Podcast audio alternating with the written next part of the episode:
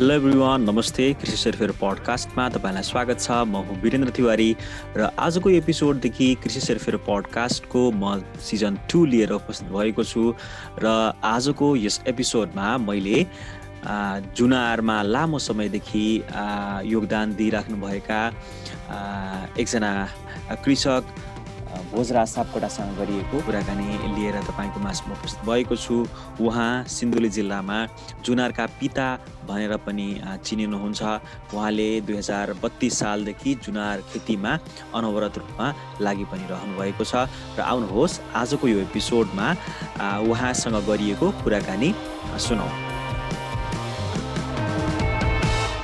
नमस्कार म आज जुनार सुपर जोन सिन्धुलीमा छु र अझै म खनिया खर्क सिन्धुलीमा छु र आज मसँग हुनुहुन्छ भोजराज सापकोटा बुवा र उहाँ चाहिँ एकासी वर्ष पुग्नुभयो र सिन्धुलीमा तपाईँहरूले जुनार भन्ने शब्द सुन्दै सुन्दै राख्दाखेरि सिन्धुलीको जुनारका पिता भनेर चिनिने भोजराज सापकोटा बुवासँग छु र आज म चाहिँ उहाँका आफ्ना अनुभव र त्यसपछि जुनार खेती गर्दै गर्दाखेरिका ती दिनहरूलाई सम्झेर केही कुराकानी गर्न चाहन्छु। बुवा तपाईँलाई स्वागत छ। धन्यवाद। बुवा हजुर यो ठाउँमा अनि देशैभरि पनि जुनारका पिता भनेर चिन्नु रहेछ चिनिनु हुनु रहेछ होइन? ती दिन जब चाहिँ तपाईँले पैँतिस छत्तिस सालतिर चाहिँ जुनार खेती सुरु गर्नुभयो ती दिनहरू कस्ता थिए बुवा? त्यो दिन चाहिँ अब झन्ने भन्न थाहा नपाएको र ज्ञान नभएको बेला थियो त्यो बेला जुनार बारेमा। र जब मैले चाहिँ जुनारको सुरुवातबाट तेत्तिस सालदेखि गर्दै आएँ आएपछि मलाई अलिकति केही न केही यो खेती गरेर राम्रो हुन्छ होला भन्ने अलिकति हौसला लगाएर म आफूले चाहिँ पहिले सुरुवात गरेँ। हजुर। त्यतिखेर अब बुवाले बत्तिस तेत्तिसको कुराकानी गर्नुभयो। के कुराले चाहिँ प्रेरित गर्यो जुनारप्रति लाग्नलाई? त्योभन्दा अगाडि त अब करिब नेपालमा नेपाल नै भरि जुनार भन्ने शब्द अलिक प्रचलित प्रचलित भएको दस बाह्र वर्ष त भयो होइन? त्यतिखेर बुवाले चाहिँ जुनार खेती व्यावसायिक रूपमा गरौँ यसको नर्सरी गरौँ भन्ने विचार चाहिँ कहाँबाट आयो हजुर यसको चाहिँ यो बत्तिस साल तिरको कुरा हो। म एक दिन सिन्धुली गएको थिएँ र एकजना चाहिँ कृषि शाखामा अधिकृत भएर आउनुभएको रहेछ हरिबहादुर कार्की रहेछ उहाँको घर चाहिँ। र उहाँसित मेरो भेटघाट भयो र उहाँसित कुराकानी भयो। भएपछि मैले चाहिँ अब यहाँ बिक्री गरेर तराईतिर जान म आफ्नो चाहिँ जग्गा बेच्न गएको थिएँ सिन्धुलीमा। त्यो देखेर उहाँले भन्नुभयो तपाईँले किन जग्गा बेचेको उहाँहरू भन्नुभयो। अब म यहाँ छोडेर तराई जाने यहाँ चाहिँ अलिकति बस्नु गाह्रो पनि भयो। भनेर उहाँसित व्यवहारिक गफ गर्दा उहाँले चाहिँ भन्नुभयो बुवा तपाईँ नजानुहोस् तपाईँ कहीँ पनि।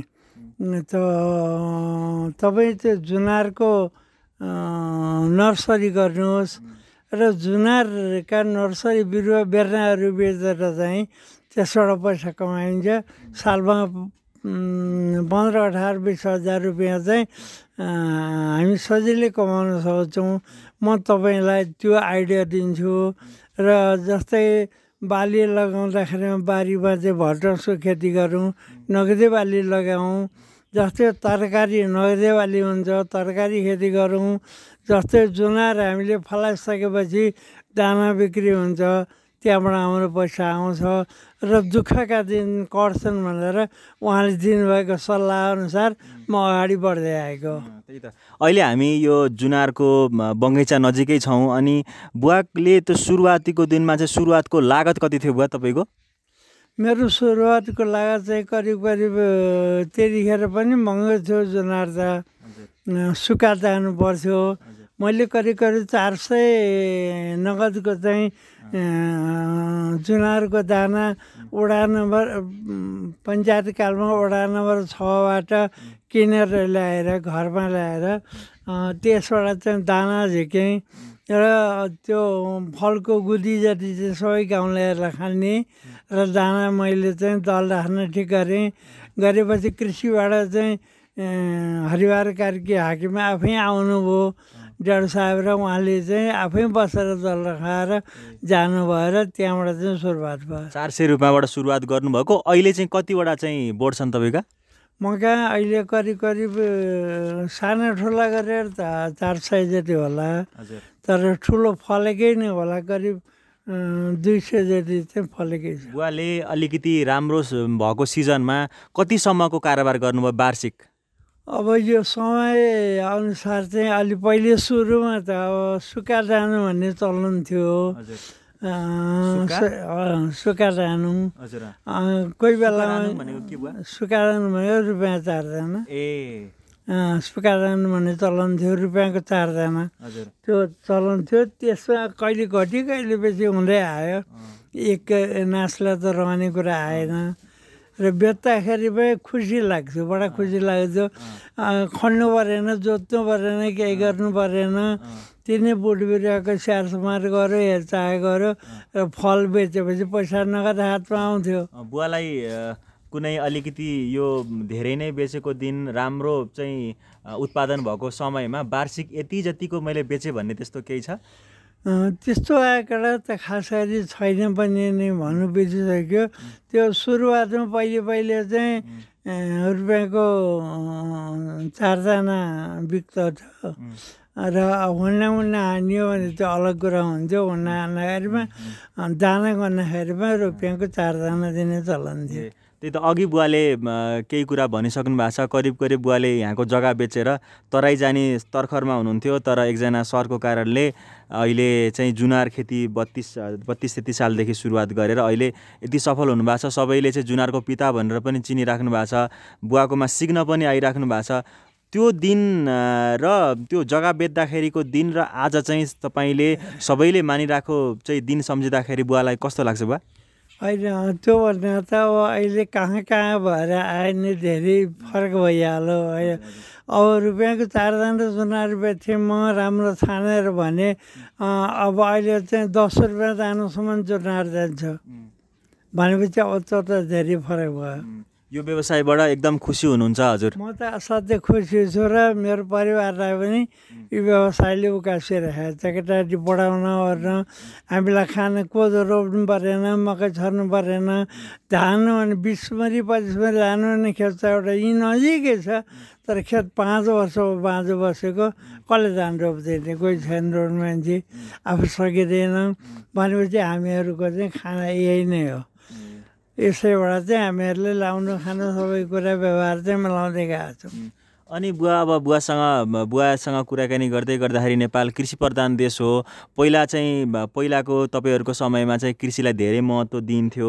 सबै कुरा नै व्यवसाय भनेकै कृषि थियो। अहिले बिस्तारै युवाहरू पलायन हुँदैछन् होइन? कृषिलाई चाहिँ कृषिको महत्त्व बुझ अलिकति कम बुझिरहेछन्। अनि सरकारले पनि कृषिलाई चाहिँ अलिकति प्राथमिकता दिन सकिरहेको छैन।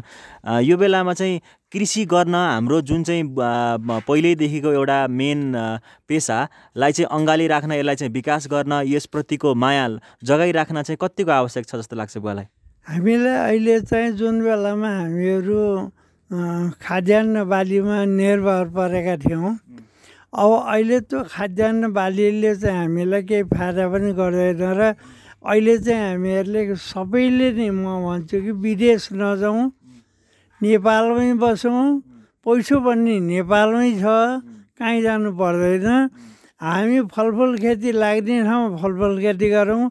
जहाँ तरकारी खेती लाग्छ त्यहाँ तरकारीको भव्य व्यवसाय गरौँ र हामीहरू पैसा कमाउँ। मैले पनि काउलीहरू रोपेको थिएँ टमाटर रोपेको थिएँ तर डेढ लाख जति रुपियाँ मैले चाहिँ यहीँ घर बसी बसी पनि लिएँ। कहीँ जानु परेन लानु परेन मैले। भनेपछि त एक दुई लाख रुपियाँ हामीले कमायौँ भने परिवारलाई खाना पुर्याउँछौँ लाउन पुर्याउँछौँ किन दुःख गरेर र विदेश किन जानु। जुन मान्छे विदेश जान्छ पैसा खर्च नगरी जान सक्दैन। पहिले पैसा खर्च गरेर त्यसको ब्याज तिर्दा तिर्दै उताबाट ल्याएका पैसा सबै सकिन्छ। च्याउ ब्याज तिर्दाखेरिमा त्यस हुनाले विदेश जाने तर्फमा युवा वर्गलाई मेरो ठुलो अनुरोध छ। म हात जोडेर भन्दछु तर विदेश नजाइदिउँ र नेपालमै बसेर हामीहरूले चाहिँ खेती गरौँ। तर खेती गरौँ कस्तो भनेदेखि तात्कालीन नगद भने नगदे बाली। हामी चाहिँ जुन जिन्सी बाली नगरौँ नगदे बाली खेती गऱ्यौँ भनेदेखि एक किलो गोलभेडा बेच्यौँ भनेदेखि एक मन चामल खानलाई पुगिहाल्छ नि किन जाँदा धेरै होइन? भने किन विदेश गऱ्यो आए धेरै मानिसहरूको हेऱ्यो कि विदेश गएर आएको एक वर्ष पछाडि जस्ताको तस्तो रित्तो हुन्छ मान्छे केही हुन्न। त्यसै कारणले विदेश नजाउँ अब म अन्तिममा पनि छु बुवा। अनि अब चाहिँ अब यो सिन्धुली र यो भेगमा जहाँ चाहिँ यो जुनार हुन्छ त्यस्ता खालका युवाहरू जसले चाहिँ यो जुनार खेती गर्न चाहनुहुन्छ उहाँहरूलाई चाहिँ तपाईँले के भन्नुहुन्छ? यसको चाहिँ अब व्यापार पनि राम्रो छ होइन? हजुरहरूले सुरुवाती गरेदेखि अहिले चाहिँ जताततै पनि सिन्धुलीको जुनार भनेर चाहिँ प्रख्यात छ। अब जिना जुनार खेती गर्न चाहने युवाहरूलाई तपाईँले के भन्नुहुन्छ अन्तिममा? म अन्तिममा यही भन्छु कि जुनार लाग्ने ठाउँ पहिले म भन्छु आठ सय मिटरभन्दा माथि लाग्छ मुनि लाग्दैन। तेह्र सय मिटरभन्दा मुनि आठ सय मिटर माथि तेह्र सय मिटरसम्म जुनारको खेती हुन्छ। त यो जुनार खेती भनेको चाहिँ हामीलाई धेरै सजिलो र फाइदाजनक छ। त्यस हुनाले सबै साथीहरूलाई अ, युवा वर्गलाई महिलाहरूलाई यो जुनारको खेती गरौँ हामी सुखैले दिन बिताउँछौँ भन्ने आशा लाग्छ। बुवालाई धेरै धेरै धन्यवाद। यत्रो यो एकासी बयासी उमेरमा पनि बुवाले चाहिँ यो जुनार खेती गरिराख्नु भएको रहेछ। बुवालाई चाहिँ शुभकामना दिँदै बुवालाई धेरै धेरै धन्यवाद दिन चाहन्छु। मेरो तर्फबाट पनि धन्यवाद छ।